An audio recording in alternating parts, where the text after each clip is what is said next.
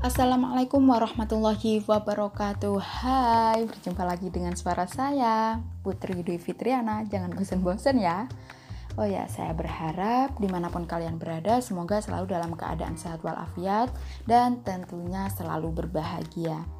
Nah, pada kesempatan kali ini Saya akan berbincang uh, tentang masa-masa yang pernah kita alami Atau mungkin saat ini sedang kita alami yaitu membahas tentang masa-masa remaja.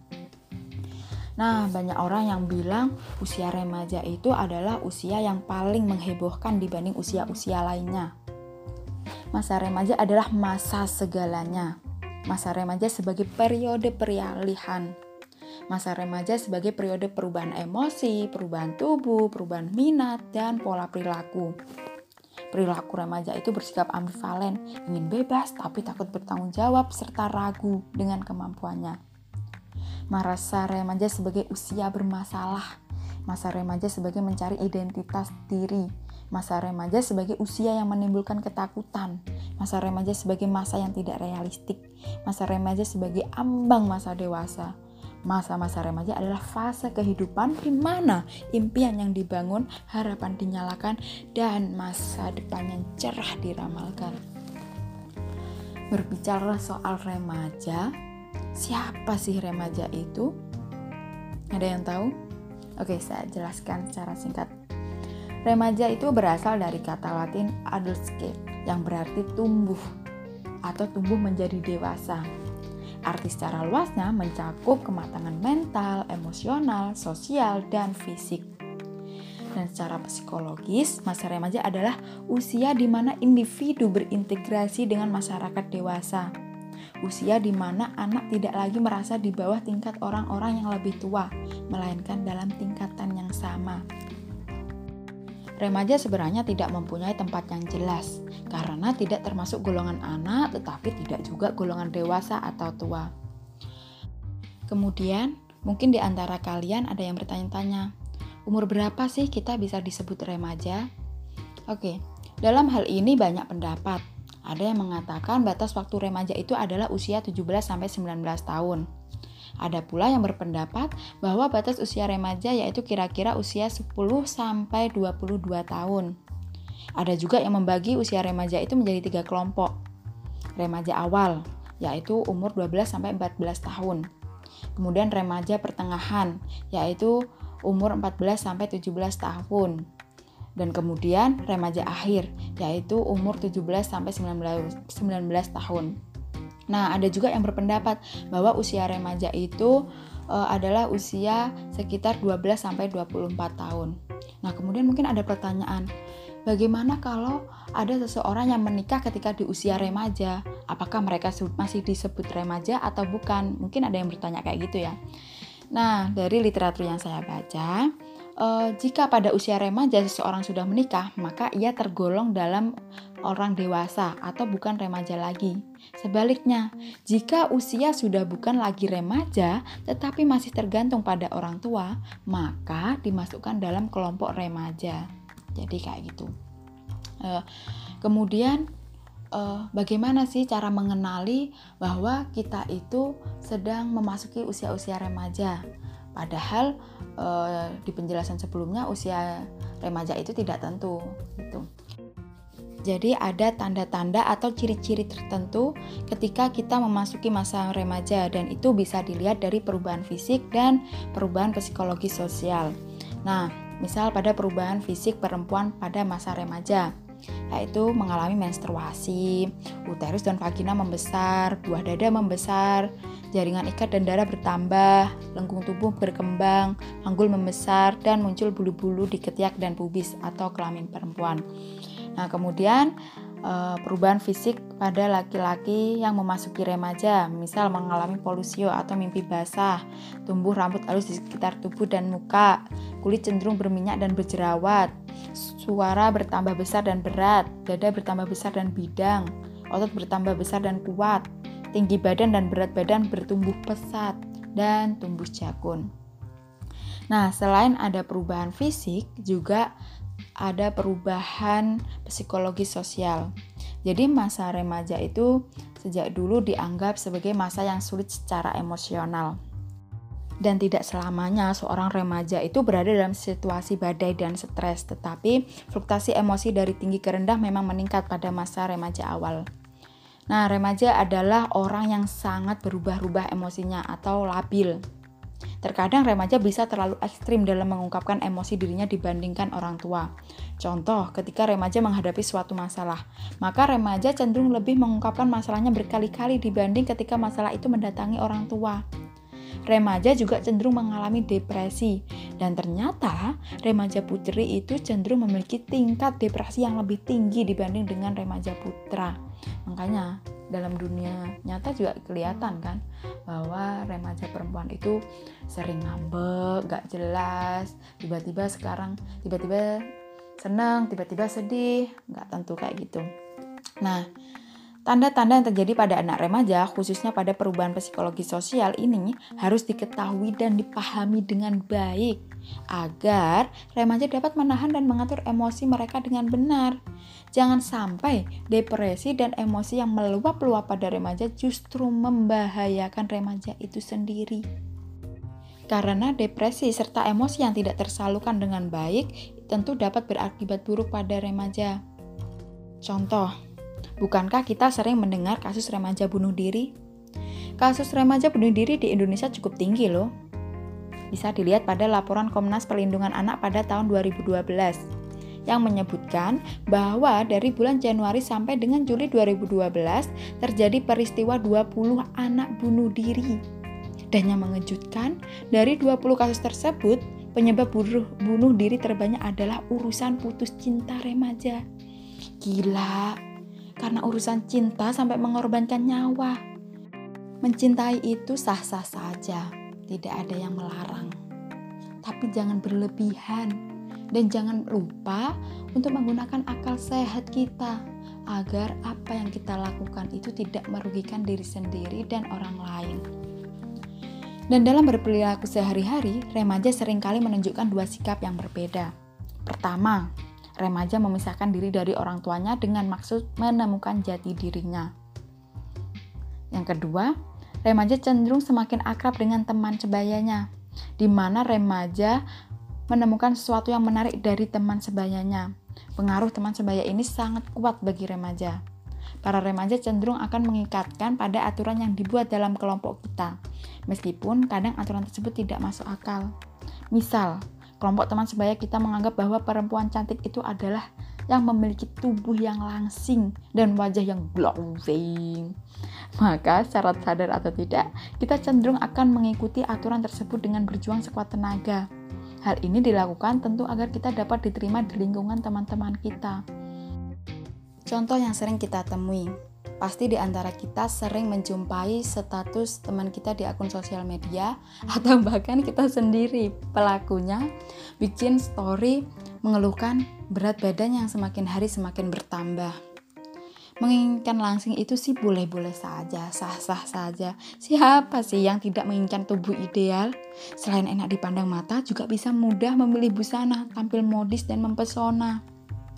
Namun, untuk memenuhi keinginan tersebut, Jangan mudah tergiur dengan iklan-iklan obat-obat pelangsing. Kita harus selektif dan kritis apakah ada dampak negatif dari produk tersebut. Dan jika kita memilih untuk diet agar berat badan kita ideal, juga berhati-hatilah. Jangan berdiet secara berlebihan sampai-sampai malas makan. Diet berlebihan itu dapat menyebabkan gangguan fisik, psikologis, bahkan kematian. Sering kita temuin kasus ini kan? Alih-alih menjadi langsing, tubuh kita malah jadi lemas dan sakit-sakitan. Begitu juga jika menggunakan cara berolahraga untuk diet. Segala sesuatu yang baik jika berlebihan itu juga tidak baik kan ujungnya. Berolahragalah paling tidak 3 atau 4 kali dalam seminggu sekitar setengah hingga satu jam. Jangan setiap hari, apalagi dilakukan berjam-jam setiap hari pula. Jangan itu bahaya karena dapat terkena cedera otot. Masa remaja memang masa yang rentan ikut terbawa arus. Hal ini terjadi tidak lain karena mereka memiliki karakteristik tersendiri yang unik, sedang pada taraf mencari identitas diri. mengalami masa transisi dari remaja menuju status dewasa, dan sebagainya. Dalam kurun waktu kurang dari desa warsa terakhir, baik di kota maupun di desa, ulah remaja semakin menunjukkan tren yang amat memprihatinkan. Masalah yang ditimbulkan oleh para remaja sering dikenal sebagai kenakalan remaja. Kenakalan remaja itu dapat dibagi ke dalam empat kelompok. Pertama, kenakalan yang menimbulkan korban fisik kepada orang lain, e, seperti perkelahian, pemerkosaan, perampokan, dan pembunuhan. Yang kedua, kenakalan yang menimbulkan korban materi seperti pencurian, pencopetan, dan pemerasan. Dan yang ketiga, kenakalan yang melawan status, misalnya kita sebagai pelajar, kemudian membolos. Nah, itu mengingkari status kita sebagai pelajar. Contoh lain, e, mengingkari status anak di dalam keluarga, sering membangkang perintah orang tua, bersikap acuh kepada keluarga. Nah, itu termasuk mengingkari status anak sebagai anak. Dan yang terakhir yaitu kenakalan sosial yang tidak menimbulkan korban di pihak lain, tetapi merugikan diri sendiri. Nah, ini yang sering kita lakukan atau bahkan kita lakukan sehari-hari tanpa sadar. Contoh, nggak pernah tidur cukup. Ini adalah kesalahan terbesar yang sering dilakukan sama anak muda di usia 20-an Padahal, supaya tetap produktif kamu haruslah tidur kurang lebih 8 jam sehari kan? Kurang tidur bisa menyebabkan kelemahan bagi sistem kekebalan tubuh. Selain itu, kurang tidur juga mempengaruhi hormon, mood, dan menurunkan kemampuan untuk fokus. Coba deh, hindari kafein 8 jam sebelum tidur dan ciptakan kondisi kamar yang nyaman, seperti suhu udara yang tepat atau lampu yang redup, kalau kamu membiasakan diri untuk tidur tepat waktu, pasti tubuh kamu akan merasa ngantuk dan menyesuaikan sesuai dengan jadwal. Contoh lainnya, nggak pernah pakai sunscreen. Tahu nggak sih guys, kalau paparan sinar matahari langsung secara lebihan itu bisa bikin kulit kamu rusak. Bukan cuma sebagai kosmetik, gunanya adalah untuk menjaga kesehatan kulit.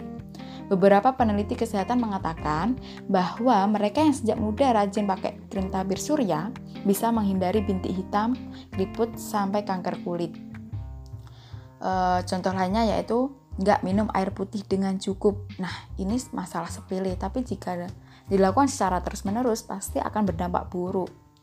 Kamu pasti udah tahu manfaat minum air putih kan? Selain untuk menghindari dehidrasi, minum air putih membantu ginjal mengeluarkan racun dalam tubuh. Cukup air putih juga bikin otot kamu bekerja dengan lebih baik.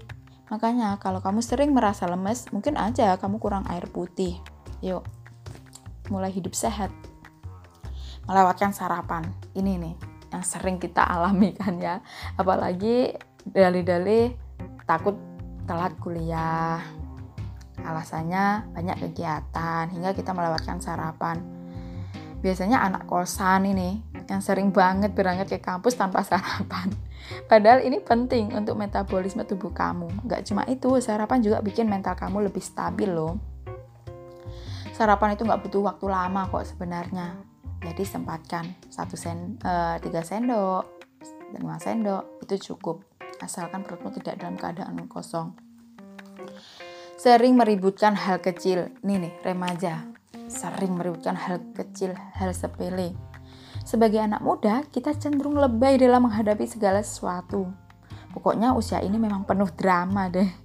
Tapi kamu harus biasa mengelola masalah-masalah kecil dengan baik supaya nanti ketika kamu punya masalah yang lebih besar, kamu udah cukup tenang dalam menghadapinya.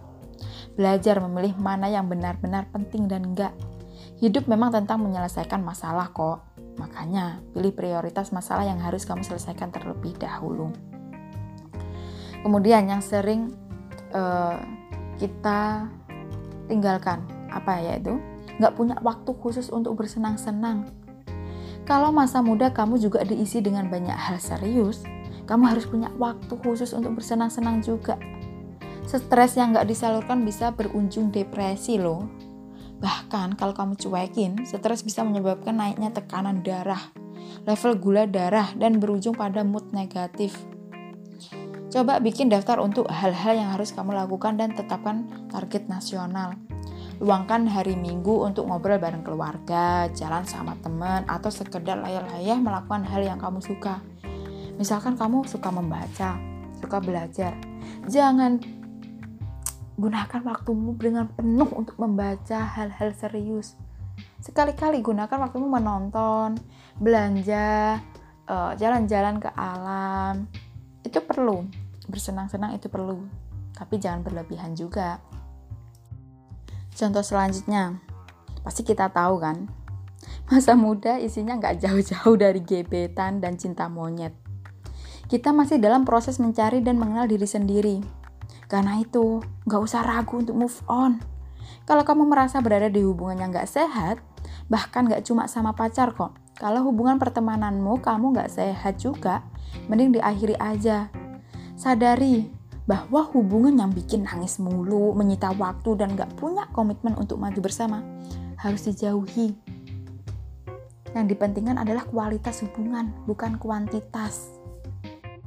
Dan untuk contoh terakhir, yang saya yakini pasti hampir semua anak yang usianya memasuki usia remaja pasti melakukan hal ini setiap harinya. Yaitu apa? Menghabiskan waktu terlalu banyak di depan layar gadget. Namanya juga generasi milenial ya kak, layar gadget udah jadi sahabat setiap harinya. Tapi ternyata kebiasaan ini bikin kamu jadi nggak banyak gerak loh. Kalau udah kayak gini bukan cuma kesehatan tubuh, tapi juga mental jadi tertengganggu. Hindari smartphone saat sedang bareng teman-teman. Batasi juga nonton film seri satu episode per hari.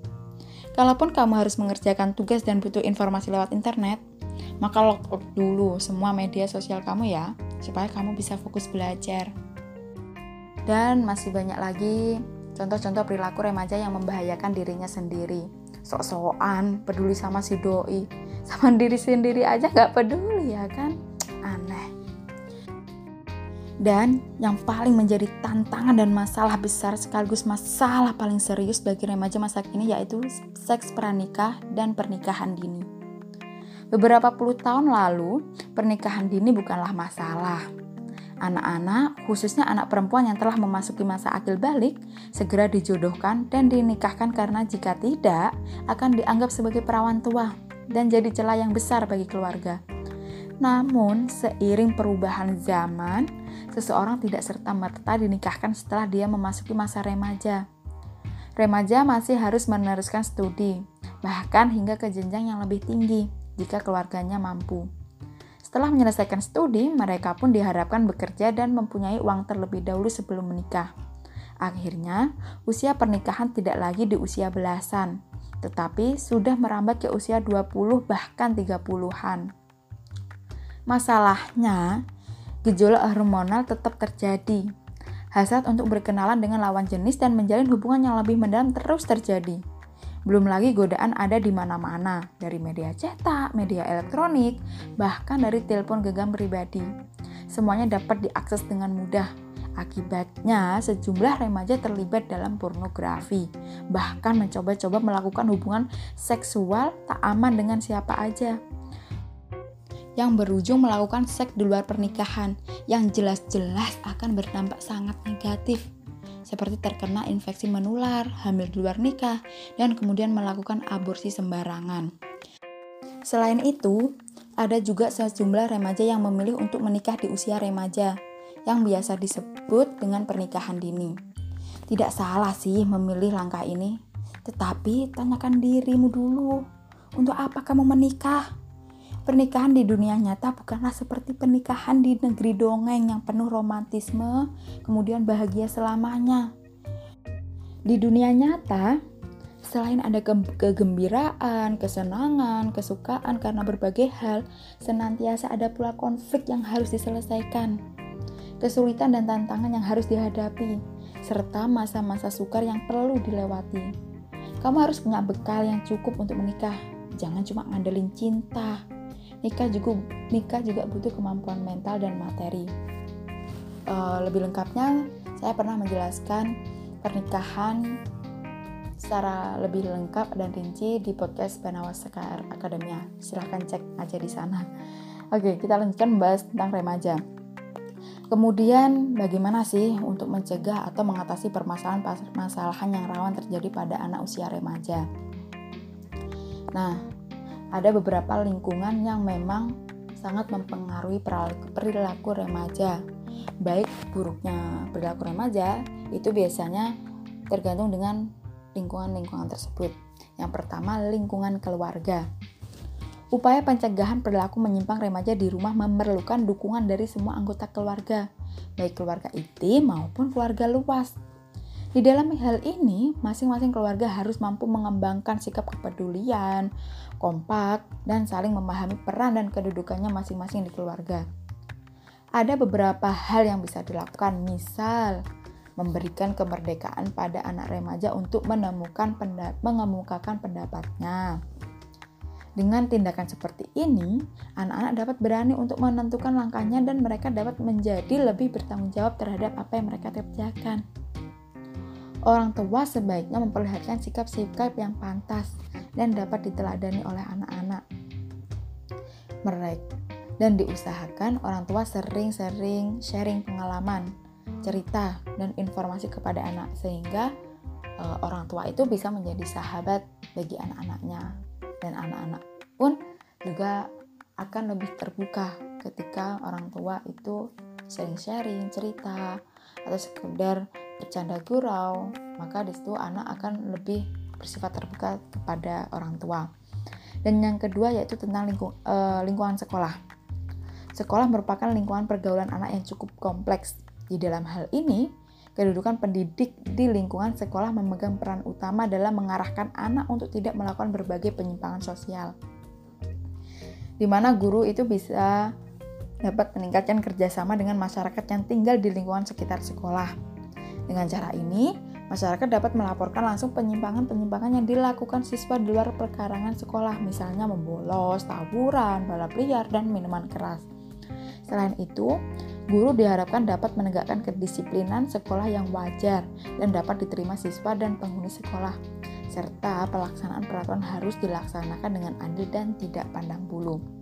Dan yang terakhir yaitu lingkungan masyarakat. Lingkungan pergaulan dalam masyarakat sangat mampu mempengaruhi pola, pola pikir seseorang. Dalam hal ini, perlu tercipta lingkungan pergaulan yang sehat dan nyaman, sehingga dapat dijadikan tempat ideal untuk membentuk karakter anak yang baik ada beberapa hal yang dapat dilakukan, misal mengadakan kegiatan kepemudaan di lingkungan tempat tinggal. Kegiatan ini dilakukan bersama-sama dengan melibatkan remaja-remaja untuk berpartisipasi aktif, bukan malah mengabaikan remaja.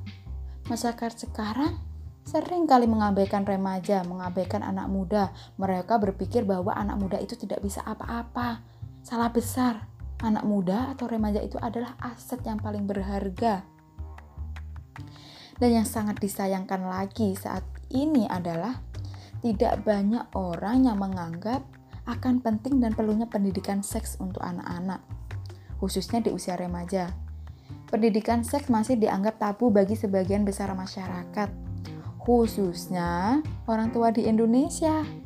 Orang tua menganggap kamu masih kecil, masih ingusan, nanti bakal tahu sendiri akhirnya tidak dikasih pendidikan seks dibiarkan. Inilah yang kemudian membuat anak mencari tahu sendiri dari sumber-sumber yang tidak seharusnya. Mungkin dalam stigma orang tua atau kebanyakan orang, kata seks selalu dihubungkan dengan hal-hal yang berbau atau berkonotasi porno, kotor, mesum, dan semacamnya. Faktanya, pendidikan seks bukan berarti memberikan informasi secara gamblang mengenai hubungan badan, Mengutip dari konten.co.id, dalam pendidikan seks, terutama bagi anak-anak, mereka akan diberikan informasi mengenai organ intim, cara merawat, dan berbagai hal yang boleh dan tidak boleh dilakukan apa pada organ tersebut. Lebih lanjut, pendidikan seks juga mengajarkan mengenai pentingnya menjaga diri agar terhindar dari aksi pelecehan dan kejahatan seksual. Informasi tentang seks bebas dan segala akibatnya juga diberikan agar para remaja lebih aware dengan tindakan dan konsekuensinya.